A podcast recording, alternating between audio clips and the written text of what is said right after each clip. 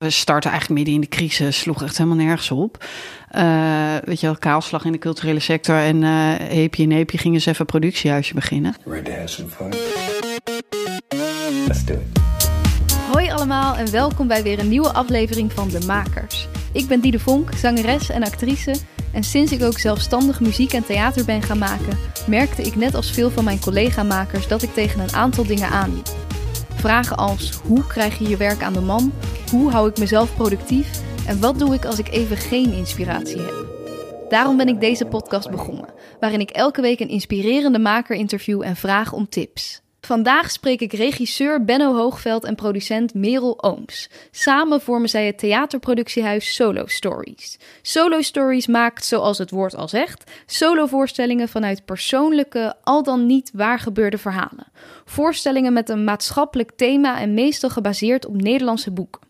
Zo maakten ze bijvoorbeeld voorstellingen van het boek Leef van Laura Maaskant en Ma van Hugo Borst. En momenteel zijn ze bezig met de voorstelling Doet Sneeuw Pijn, naar het boek van Carolien Spaans, over het verlies van een partner en het alleen opvoeden van een jong kind. Heftige thema's dus, maar altijd ook met lichtheid gebracht. Solo Stories heeft ook een hele leuke podcast over hun voorstellingen, waar je heel binnenkort mij ook als reporter en interviewer zal horen.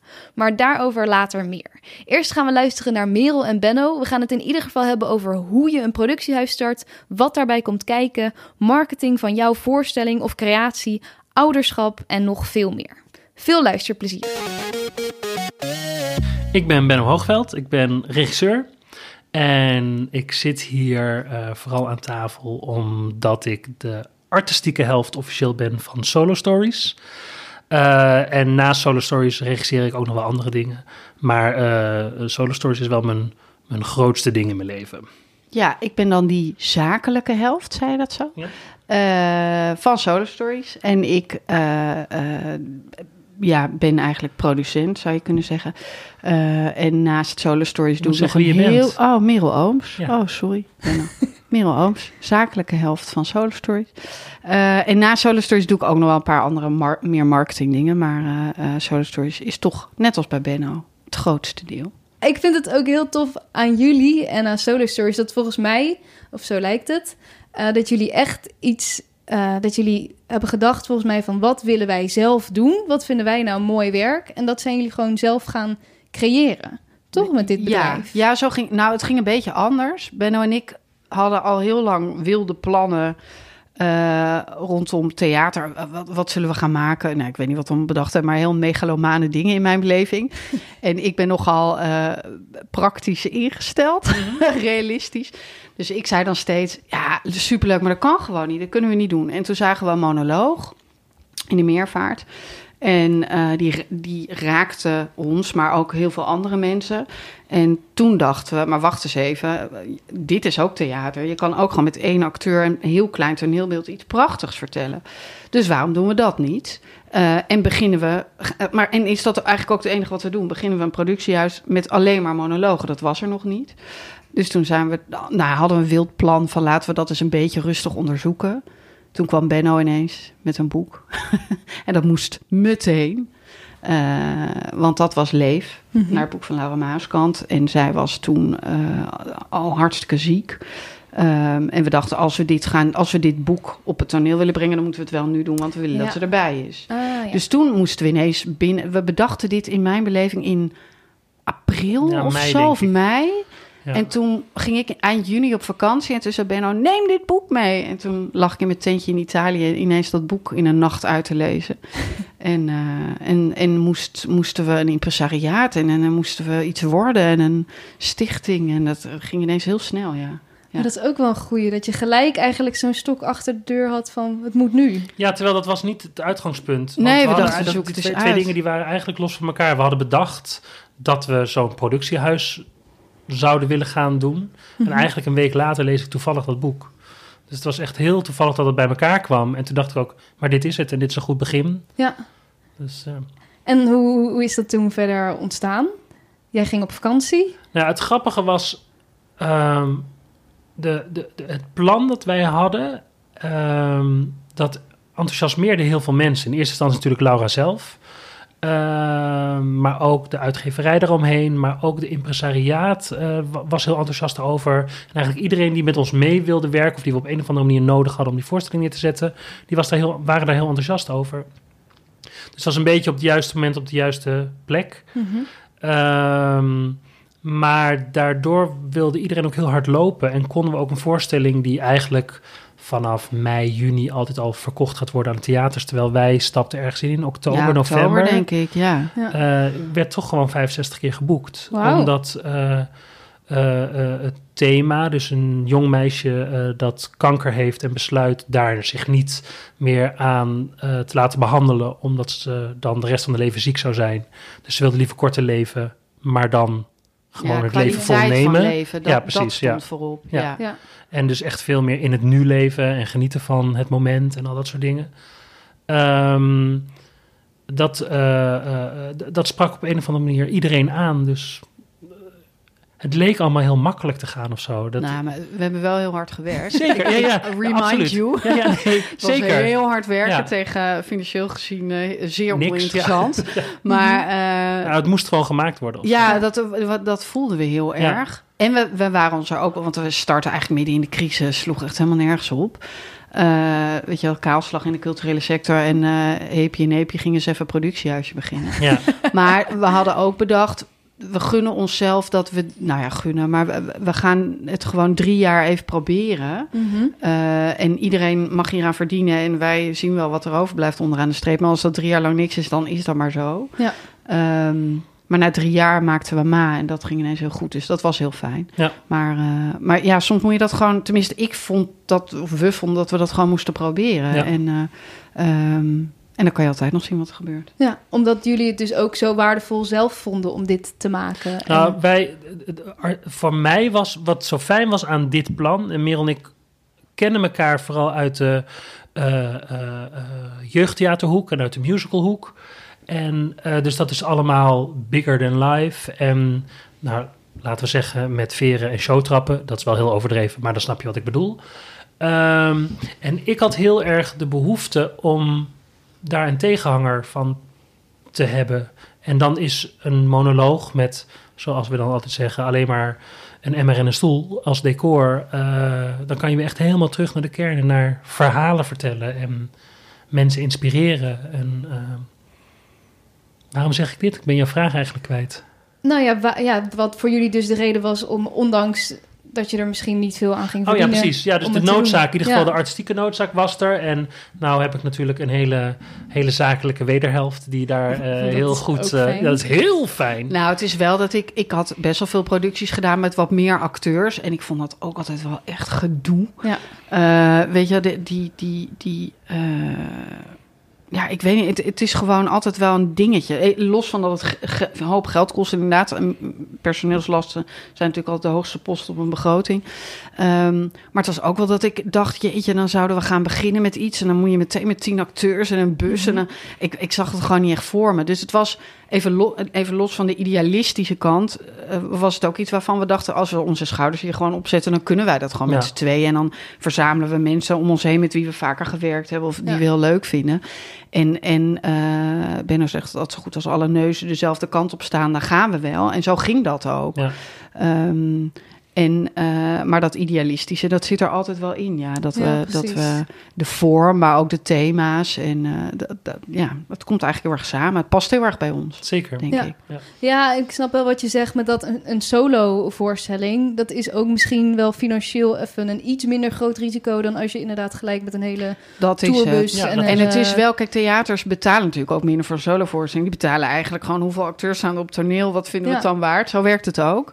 Maar eh, eh, ik had wel het idee dat we onze vingers hier niet zo heel erg aan konden branden. En als het wel zo was, dan hadden we het één keer gedaan en dan was het mislukt. En dan Nou, die gok hadden we de gok gewaagd. nemen, Ja, ja. precies. Ja. En nog heel even terug, praktisch gezien. eh, jullie hebben het gelijk over impresariaat, was enthousiast. Maar jullie hadden eigenlijk nog, nog, geen, nog niks, qua, nog geen bedrijf. hoe, hoe hebben jullie dan eh, een impresariaat aan je gebonden? En, Nou, het is wel, eh, wij gaan al iets langer mee in de, eh, in de theaterwereld. Dus we kennen heel veel mensen en Ja. dat scheelt echt enorm. Mhm. Dus dat helpt soms als je een telefoontje pleegt, dat je in ieder geval meteen wordt doorverbonden. Ja. En Maar het was ook dat jij... We, za- we gingen naar een impresariaat waar eh, Benno iemand... de- degene die het boekt, zou boeken, Ja. ja. Ken, ja, kende hem. En we hadden als afspraak... als hij, eh, eh, als hij meteen mee is... dan gaan we er ook voor. Als we maar een beetje voelen... "Nou, we weten het niet zo goed... dan gaan we iemand anders bellen. Ja. Maar hij was ook meteen... het raakte hem het verhaal. Dus het- dat, dat klopte ook meteen. Ja. Ja. Daardoor heeft hij er ook zoveel weg kunnen zetten, denk ik. Doordat hij gewoon er een gevoel bij had. Precies, dat hij er zelf in geloofde. Precies. Ja. En, eh, En dat is sowieso wat gewoon heel belangrijk is. Zeker in deze tijd. Dat je eh, de dingen doet waar je je goed bij voelt. En dat je niet dingen doet omdat je ze al honderd jaar zo doet. Maar Mhm. eigenlijk moet je iedere keer weer opnieuw kijken. Wat hebben we nodig? Welke neuzen moeten welke kant op om Ja. eh, deze voorstelling voor elkaar te krijgen? Ja, nee, dat is denk ik zeker ook wel de kracht van jullie. Ja. En eh, jullie zeiden net, we gaan het even... Of jullie idee was, we gaan het drie jaar proberen. Mhm. En dan kijken we, is er in die drie jaar een moment geweest dat je dacht... nou, we stoppen ermee? Bij jou? Oh, ik zie je denken. Bij mij niet. Nee, maar dat komt eigenlijk omdat Ma Maar kwam wel op het goede moment. Ja, hè? maar eigenlijk ook een beetje te vroeg. Eh, dus ehm, we wisten relatief snel dat we met Ma echt wel een goede voorstelling in handen hadden. Voordat de voorstelling gemaakt was zelfs. Maar het idee was gewoon heel goed. Eh, het werd geschreven door Hugo Borst. Dat wil zeggen, die had het boek geschreven. Eh, we hadden Erik Corton als acteur. En we merkten gewoon meteen dat, acteur, of dat de theaters daar super enthousiast over waren.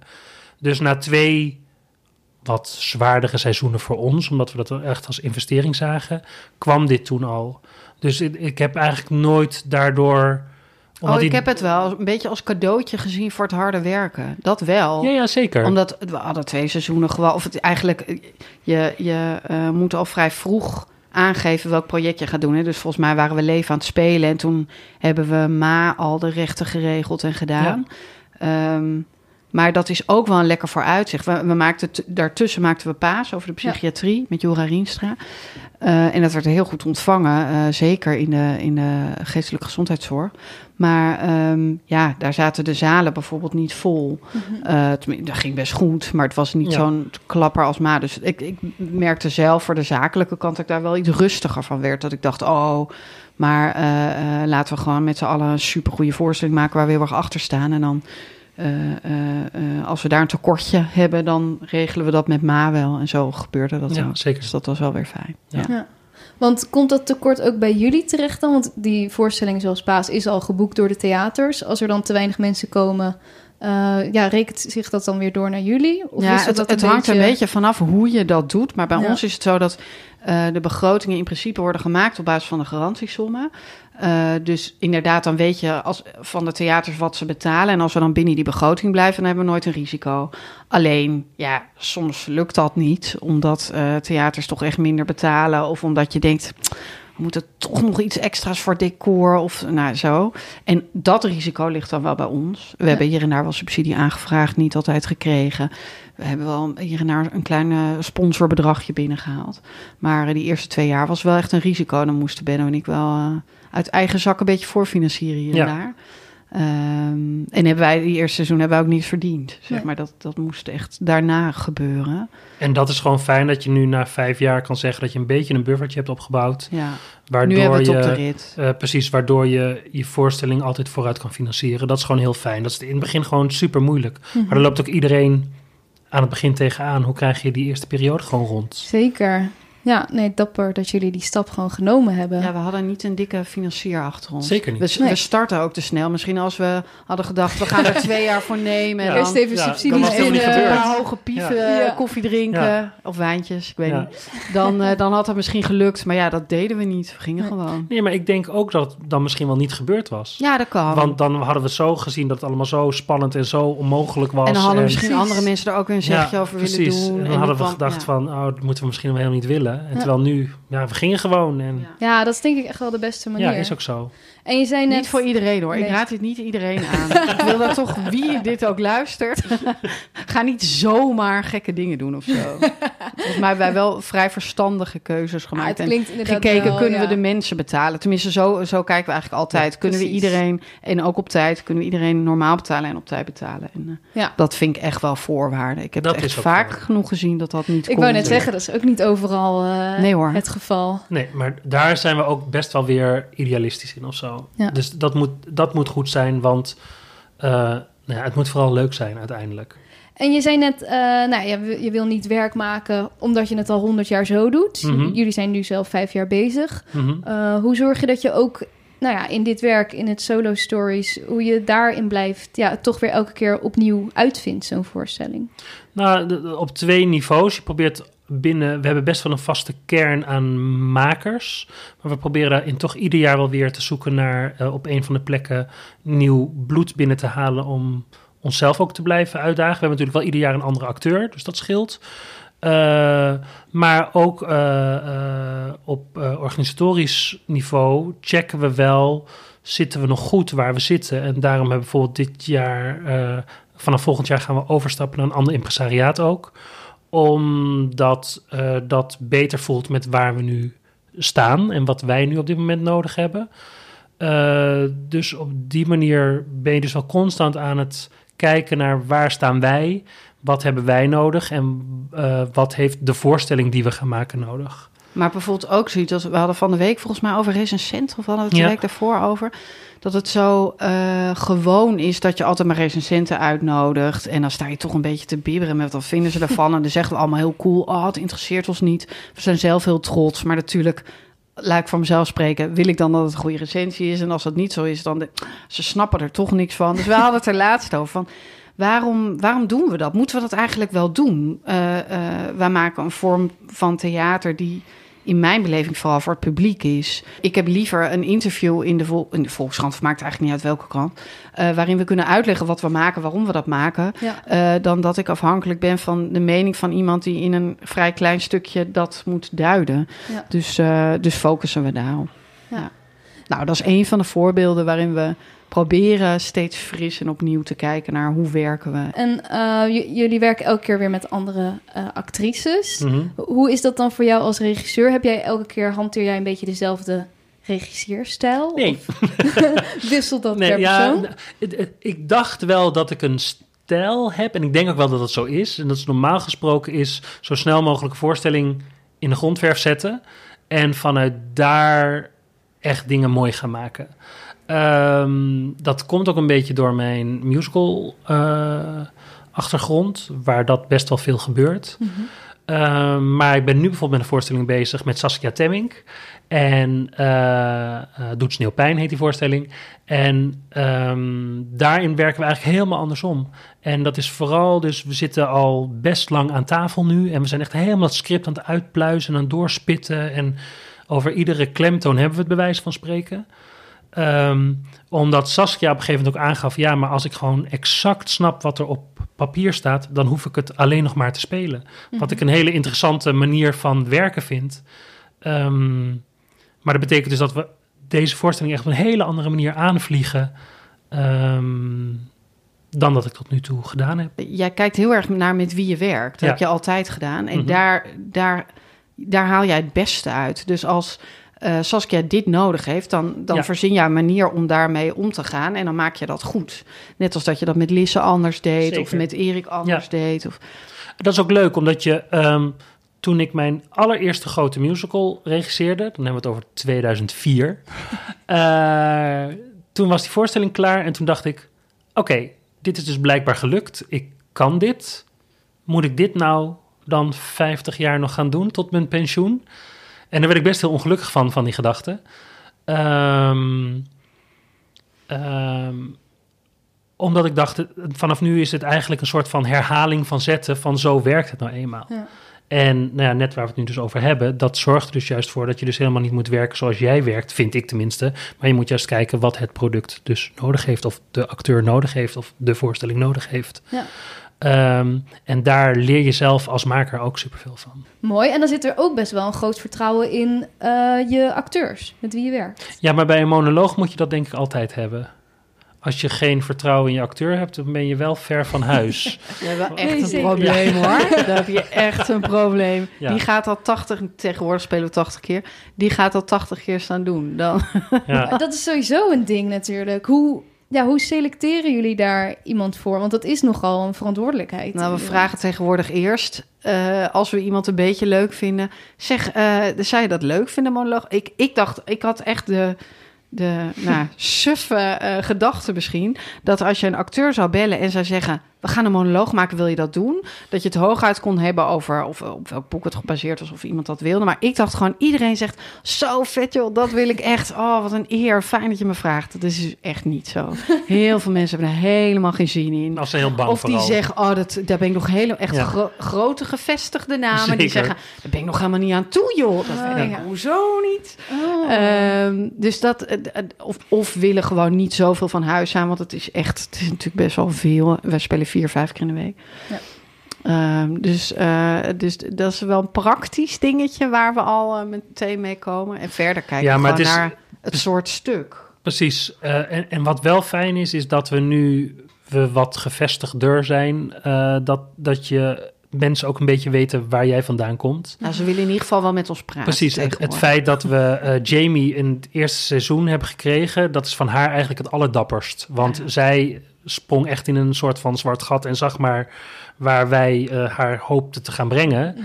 En vanaf daar kon iedereen in ieder geval wel steeds aan de voorstellingen die daar al geweest waren, een beetje relateren van wat is dat voor clubpie? Waar eh, begin ik aan? Precies, waar begin ik aan? Dus dat, Stuur dat helpt. recensie. Ja. Nee. Ja, precies.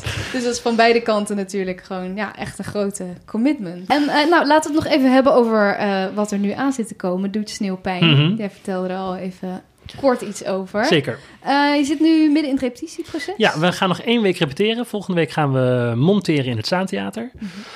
Eh Doet sneeuwpijn dus, met Saskia Temmink. Eh, het is een voorstelling gebaseerd op het boek van Carolien Spaans. Dat is anderhalf jaar geleden uitgekomen of zo, denk ik inmiddels. Zoiets, denk ik, ja. En eh, daarin schrijft zij het verhaal over hoe zij haar man is tegengekomen, hoe gelukkig ze met hem is, hoe fijn ze een kind krijgen. En dan, als dat kind zeven maanden is, gaat haar man een weekendje skiën met vrienden en hij skiet in een gletsjerspleet om daar nooit meer uit te komen.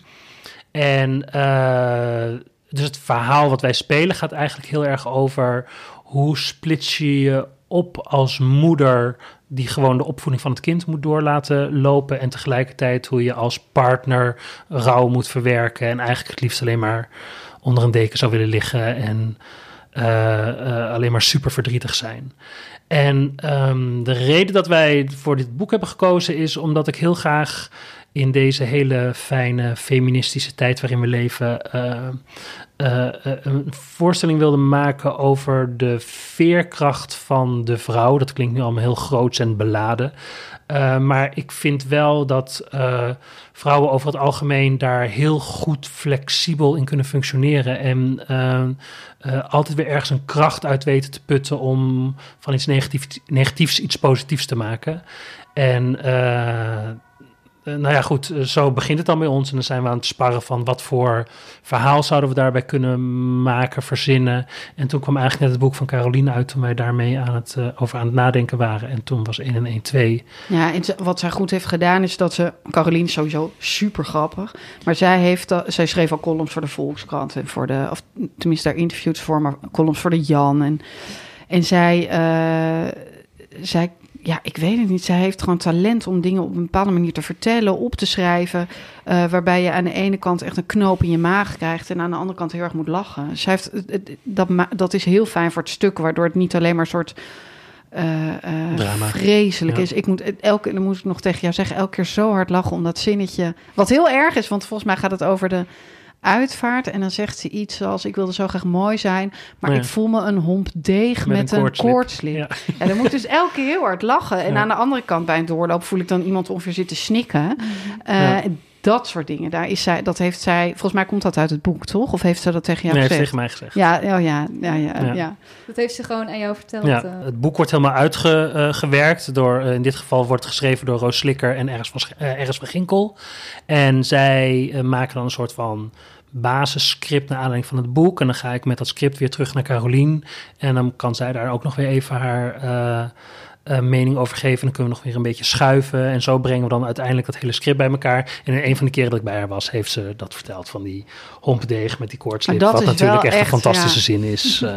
En is dat dan nog, ja, is dat dan nog lastig als je een, een schrijver hebt, zeker met zo'n waar gebeurd verhaal? Eh, wil zij heel actief bij zo'n proces betrokken zijn? Eigenlijk Of- tot nu toe is er nog geen enkele boekschrijver actief bij het schrijfproces en het repeteerproces geweest. Omdat ze eigenlijk tot nu toe allemaal hebben gezegd... eh, ik schrijf boeken en jij maakt theater. Ja. Dus ik heb geen idee hoe je theater moet maken. ehm, dus laat het me maar zien. Ik kom bij een laatste doorloop kijken. Ja, ze of, willen eh, wel meestal het script even Precies, lezen. en, maar dat willen wij zelf ook natuurlijk. En ik weet ook dat wij elk seizoen toch, tenminste, laat ik maar weer voor mezelf spreken, een beetje bang zijn. Kijk, het zijn heel persoonlijke Ja, verhalen. daarom. Ja. Ehm, en ik weet nog met Hugo Borst ook dat we met hem afspraken in Rotterdam en dat hij binnenkwam. En eh, Mark Veerkamp en Benno en ik kwamen naar zijn Mark favoriete schreef, café. schreef dat eh, script. Ja, en, en dus wij zaten daar. Ik had koffie gehaald en hij kwam zo binnen, iets te laat.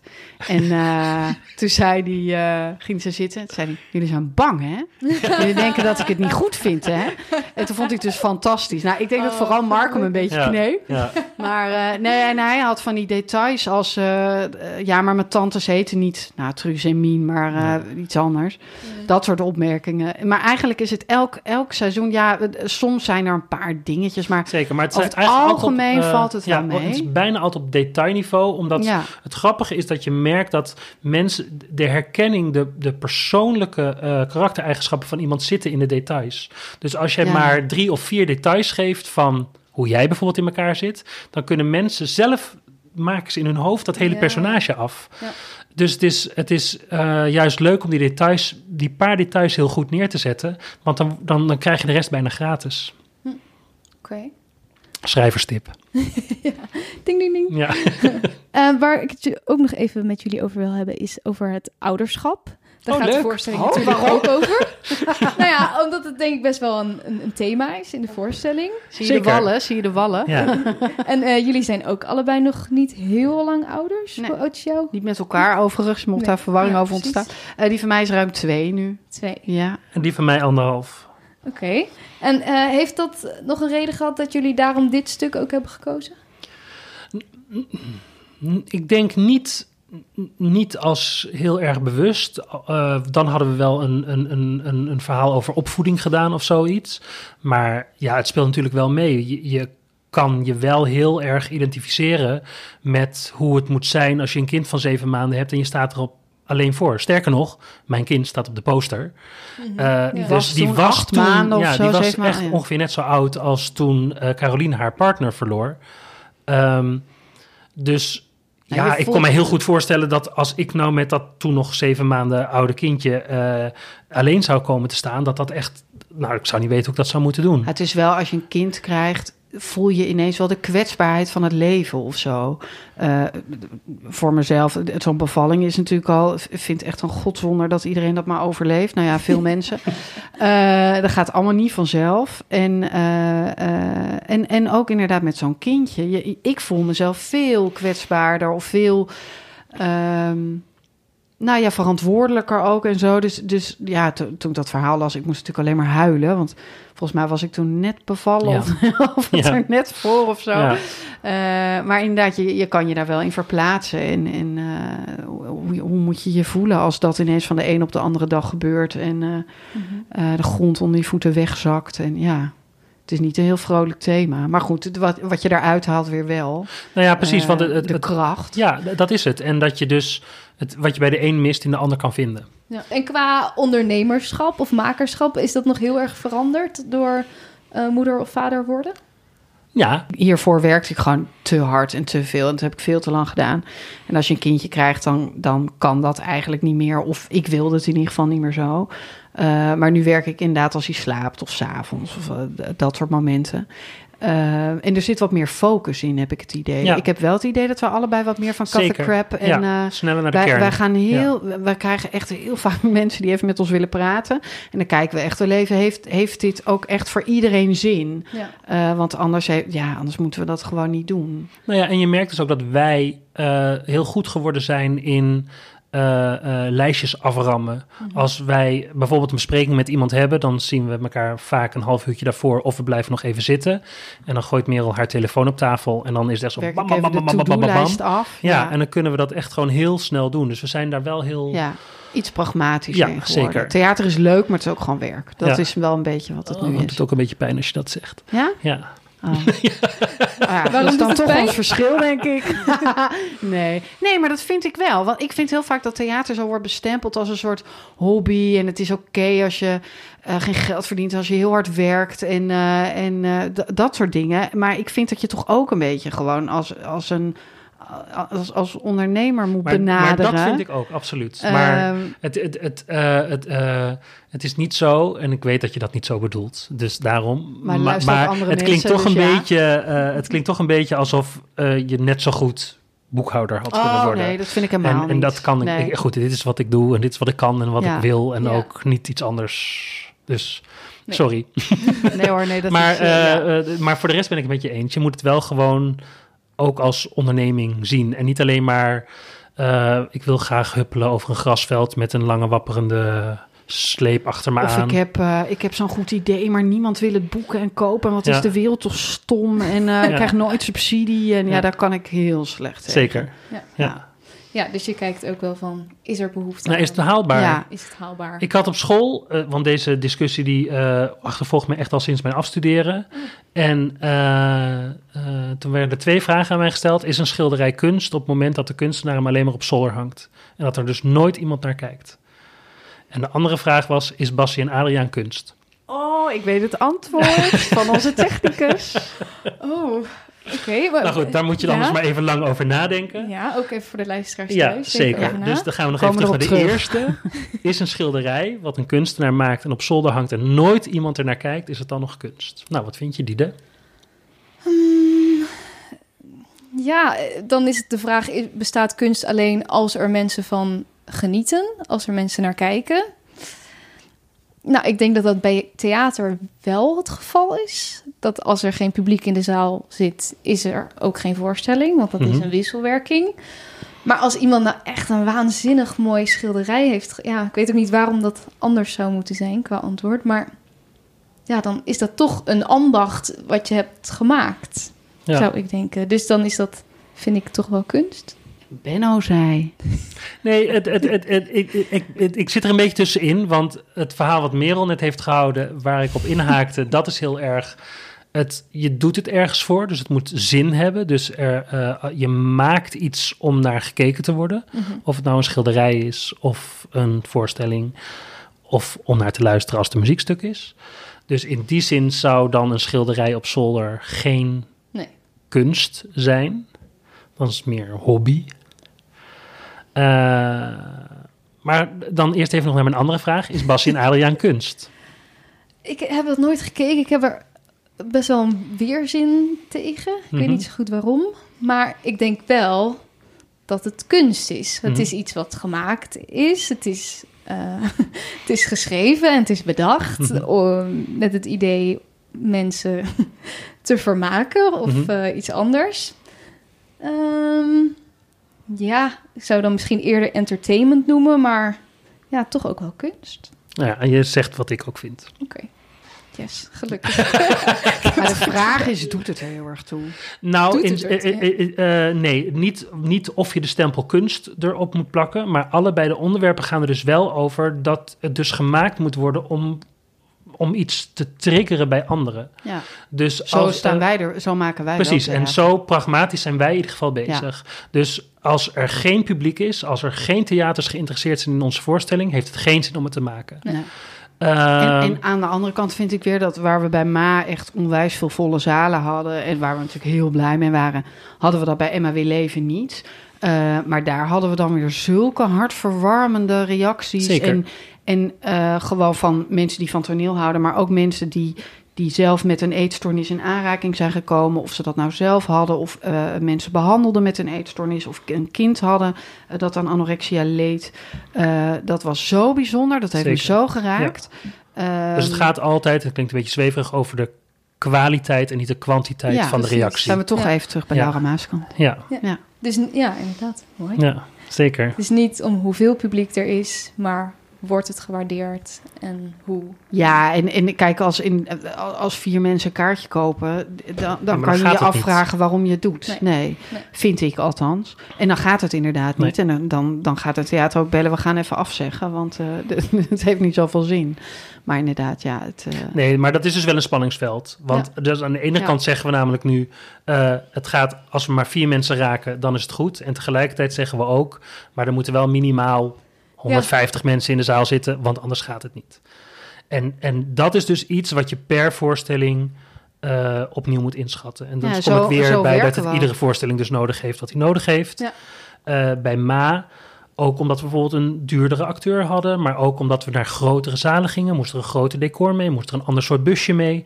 Dat betekent dus dat er een heel ander kostenplaatje bij komt kijken. Dan moet er dus ook meer geld verdiend worden, dus moeten de zalen ook groter zijn. Ja. En Emma wil leven konden we weer veel intiemer maken, omdat we dat niet begroot hadden op heel veel bezoekersaantallen. wij kijken altijd en artistiek en commercieel naar Zeker. wat we maken. Maar En we dat- beginnen altijd artistiek en Ja. dat vind ik heel fijn. Ja. We hebben een idee en dan gaan we kijken, kunnen we dit commercieel voor elkaar krijgen?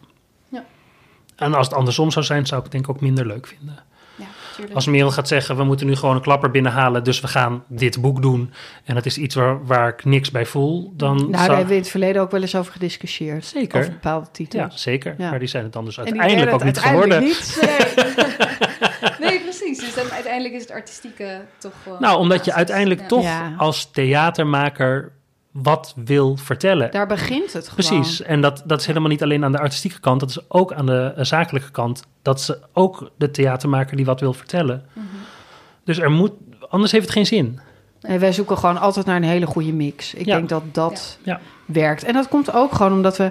eh, dat we bijvoorbeeld iemand als Erik Corton hebben gecast voor Ma. Dat, dat heeft denk ik heel ander publiek opgeleverd. Ook mensen die niet per se misschien iets met de thematiek hadden. Ehm, eh, dat was echt wel een interessante zet, Ja. denk ik. Ja. En zo kijken we, kijk, Lisse Knapen voor Emma We Leven. Eh, geen grote naam, eh, misschien in theaterland wel. maar zij was waanzinnig goed. Zij was gewoon Mhm. de aller, aller, allerbeste. Ja. Dus ja, dan, dan kies je daar toch voor. Nou, dat levert iets minder publiek op. Maar ja, dat, soms moet je dat zo doen. Ik ben nog heel benieuwd naar als er mensen zijn die luisteren en die denken. Volgens mij zijn er best wel veel nou ja, eh, acteurs, theatermakers op dit moment die ook denken: ik wil meer maken. Eh, wat zouden jullie die mensen als tip meegeven als ze ook net als jullie een productiebedrijf willen of eh, ja, meer zelf. Eh, Nou, eigenlijk is het een beetje waar we het net al over hadden. eh, wees er wel een soort van realistisch in. En een, in, in principe is het zo dat een voorstelling vier keer spelen nooit uit kan. Mhm. Dus als, de, dus als je dat doet, dan doe je dat om een andere reden. Eh, dus dan doe je het omdat je iets van jezelf wil ontwikkelen of eh, een onderzoek zelf wil doen of weet, ik veel. Ehm, maar als je het puur economisch bekijkt, wat ik echt wel een heel erg kut woord vind, eh, dan, dan, moet, dan moeten er andere regels gaan gelden. Ehm, dus je moet, hoe vervelend ook, de twee dingen naast elkaar goed hebben. Je moet je artistieke plan en je zakelijke plan goed hebben. En kan je dat niet, zoals ik, zorg dat je iemand vindt die dat wel kan. Dat is volgens mij wat ik het belangrijkste vind erin. En ik wil daarop eh, aan toevoegen dat eh, ik hoor wel eens geluiden van mensen die zeggen: eh, Ik wil een voorstelling maken en dan, dan moet dat gebeuren. En verder krijgt hij niemand mee. Ik krijg geen subsidie. En, en daar is het niet voor bedacht, denk ik altijd. Wat subsidie. Ehm, ja, en, en alleen maar omdat je, als jij zelf een plan hebt, moet je lekker dat plan zelf gaan maken. Mhm. En dan moet je niet verwachten dat de hele wereld maar achter je aanholt. aanholt. Ehm, eh, eh, en als je het dan toch wil maken, moet je het vooral maken. Maar regel het dan. Maar de, ik, ik hoor echt iets te vaak... eh, ja, maar al die subsidies en de kaalslag en weet ik het wat. Terwijl ik er echt in geloof dat als je daar goed over nadenkt... en wat Benno zegt, als je daar hulp bij nodig hebt... dat je iemand zoekt die daar commercieel naar kan kijken. Bel gewoon eens mensen. Wij hebben ook echt wel geregeld met mensen gezeten... waarvan we dachten, die hebben we hoog zitten. We gaan gewoon eens koffie doen. Dat willen ze heel vaak ook. Laat je adviseren in plaats van dat je in je eigen huiskamer... ziekeneurig zit te wezen omdat er geen, eh, geen eh, geld is of zo. Ja, dat is gewoon. De, ik geloof er echt in dat het niet. dat een beetje commercieel kijken niet vies is. Dat wordt zo snel gedacht. Ehm, eh, maar Ja. er zijn echt een hoop smaken in iets zakelijker kijken naar de culturele sector. Zeker, waarbij ik dan nog even wil zeggen dat de kans dat subsidies over tien jaar er überhaupt nog zijn, of in ieder geval dat daar de helft nog van is wat er nu is, die is, er is gewoon, dat gaat minder en ja, minder blijf worden. er niet op wachten. Precies. Denk na en, Ja. en kijk waar de kansen zijn. En kijk verder ook dan misschien de culturele sector. Ga praten met mensen. Ik denk echt dat, dat, eh, Ja. eh, dat we te vaak in ons eigen wereldje zitten. Ik denk ook dat daar op scholen nog steeds te weinig aandacht voor is. Eh, en dat is echt zonde. Dus als iemand zich hierna geroepen voelt om te bellen, oké, kom dan maar, het is prima. Maar echt, het heeft mij ook geholpen. Toen ik zelf begon met studeren en zo, en ik wilde met mensen praten. Ik heb ook gewoon mailtjes gestuurd en gebeld. En, Ja, en eh, eh, we moeten elkaar toch allemaal een beetje verder helpen. Zeker. zeker. Dat denk ik ook. En dus inderdaad- realistisch blijven. Ja, realistisch blijven. Maak jezelf niet afhankelijk van iets als subsidies. Want wie weet zijn die er straks niet meer. Willen jullie nog iets kwijt over, over, over je aankomende voorstelling? Of had, had ik nog iets anders moeten vragen? 27 januari in de Lamar gaan we in première. En daarna gaan we 80 keer het land door tot 80 ik keer. denk 4 juni. 4 juni. Ook bij jou in de buurt. Nou, dat is wel echt waar. We Ja. komen weer op plekken dat je denkt, Ja. och, zijn daar theaters? Dus eh doet Ja. sneeuwpijn, Saskia Temmink. En dat is echt een waanzinnige actrice. Dus eh, we hebben al dingen gezien in de repetities waar we echt super blij van worden. Ja, of Dus, heel, heel moesten huilen. Ja, oké, en dat, dat was is ook ook, blij, een goed ja. teken. en op, ook blij van. Ja, en op solostories.nl staat de hele speellijst. Zeker. Top. En mijn telefoonnummer als mensen zich nu geroepen voelen om Oh. met mij te praten. Ah, lief. Wel lief dat je toch zegt dat het allemaal mag. Ja, maar dat is, kijk, ik hoop niet dat nu iedereen gaat bellen. Maar dat is, het, het is gewoon belangrijk. Ja. Dat moeten we gewoon doen. En niet dat ik de wijsheid in pacht heb, maar het is altijd goed om even met iemand te praten die misschien op een ander vlak bezig is of zo. Ja, en dat wilde ik nog vragen. Je zei, eh, denk ook misschien verder dan de culturele sector. Eh, welke kanten denken die dan bijvoorbeeld bij Emma wil leven aan iets als een gezondheidszorg of Nou ja, we hebben bij Paas bijvoorbeeld echt weer totaal eh ander onderwerp erbij. Maar eh, bij Paas hebben we, dat ging over de eh, psychiatrie. En daar hebben we met een partij samengewerkt, Astare. En zij zijn een uitzendbureau in de, in de geestelijke gezondheidszorg. Dan denk je bij uitzendbureau meestal boring, saai, wat moet je ermee? Maar dat is nou juist zo'n partij, die, die, daar werken allemaal jonge, leuke mensen.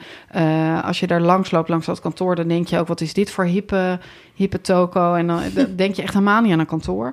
Ehm, en zij hebben me in ieder geval eh, wel anders naar bepaalde dingen laten kijken. Zij hebben bijvoorbeeld ook Paas voor een stukje gesponsord. En zeiden toen, we vinden jullie tof. Eh, we bellen wel even naar een paar organisaties... waar je misschien kan spelen Ja. of die ook iets willen doen.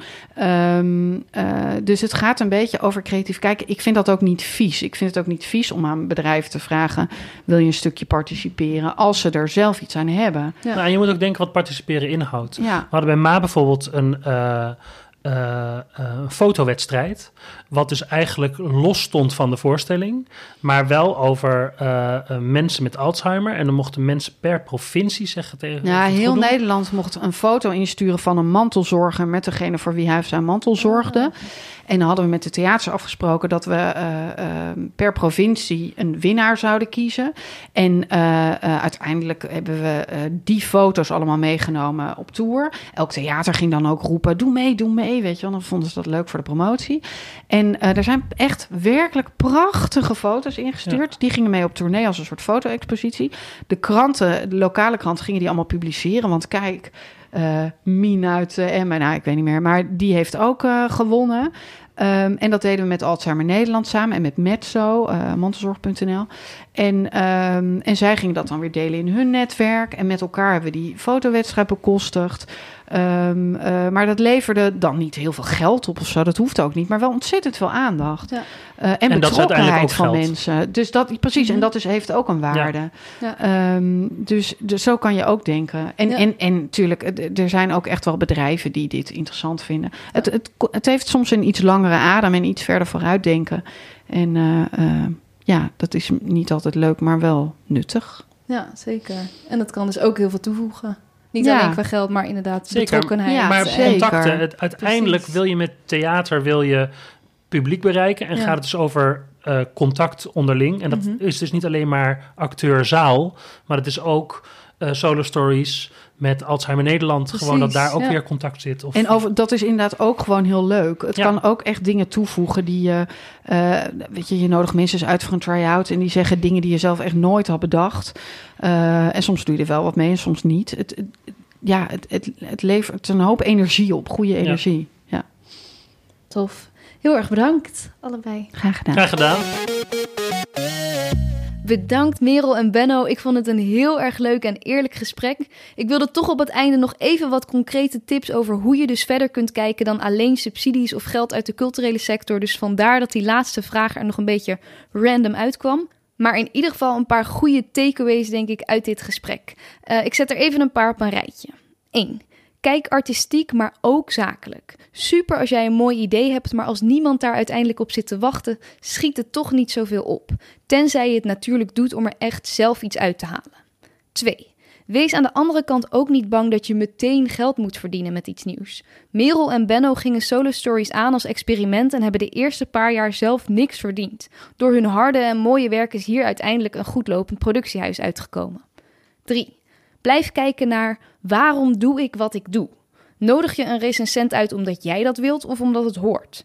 Dit is natuurlijk ook toepasbaar op andere gebieden. Moet je per se in die ene galerij staan of kan je ook op een andere manier aandacht krijgen voor je werk? Moet je per se die kant op of doe je dat omdat iedereen het zo doet? 4. Ik vind het idee van samenwerken met bedrijven voor je kunst ook wel een hele interessante. Het voelt misschien een beetje tegenstrijdig. Wat heeft een bedrijf nou met jouw kunst te maken? Maar zeker in het geval van solo stories. Natuurlijk wil een bedrijf als Alzheimer Nederland met je samenwerken. En kan je op deze manier weer een heel ander publiek aanspreken. Dus ga eens na. Wat voor thema's zitten er in jouw werk? Welke mensen hebben hier misschien ook baat bij? Wat niet meer in het gesprek zit, maar waar ik het nog wel even met Benno en Merel over had, was hoe erg de samenwerking tussen hun twee gewoon zo klopt. Als de een wegvalt, heeft het voor de ander ook geen zin om er nog mee door te gaan. Dat vond ik heel erg mooi en voor mezelf ook een hele bijzondere realisatie. Want ik ben zelf best wel even al heel veel individueel aan het werk. Met podcast, mijn eigen solovoorstelling. En door het praten met Merel en Benno merkte ik dat ik eigenlijk ook wel wat meer behoefte heb aan samenwerking. Aan geïnspireerd worden door elkaar en elkaar aan te vullen in de kwaliteiten die je hebt. Gewoon het sparren. Dus dit is natuurlijk een super vage algemene oproep. En ik weet zelf ook nog niet helemaal hoe of wat ik zoek. Of wat voor project of wat dan ook. Maar mocht je je aangesproken voelen en het tof vinden om een keer samen te werken of mogelijkheden te verkennen, wees niet bang om me een berichtje te sturen. Dat kan gewoon via Instagram, de Makerspodcast. Daar mag je me ook altijd laten weten wat je van het gesprek vond, wie je nog meer zou willen horen of wat dan ook. Heel erg veel dank aan Benno en Merel voor jullie tijd. Ik heb ondertussen een doorloop mogen zien van Doet Sneeuw Pijn en het wordt echt waanzinnig mooi. Hij gaat eind deze maand in première, dus check solostories.nl voor meer info daarover. Tot volgende week. Vond je dit een leuk gesprek? Abonneer je dan op de podcast en volg de Makers Podcast op Facebook en Instagram. Delen en reviewen is heel erg fijn en laat het me vooral weten als je nog gasten of vragen hebt die je graag wilt horen. Volgende week staat er weer een hele bijzondere, inspirerende gast voor je klaar. Deze podcast werd gemaakt door mij, Piede Vonk, en de muziek is van David Zwarts. Tot volgende week bij De Makers.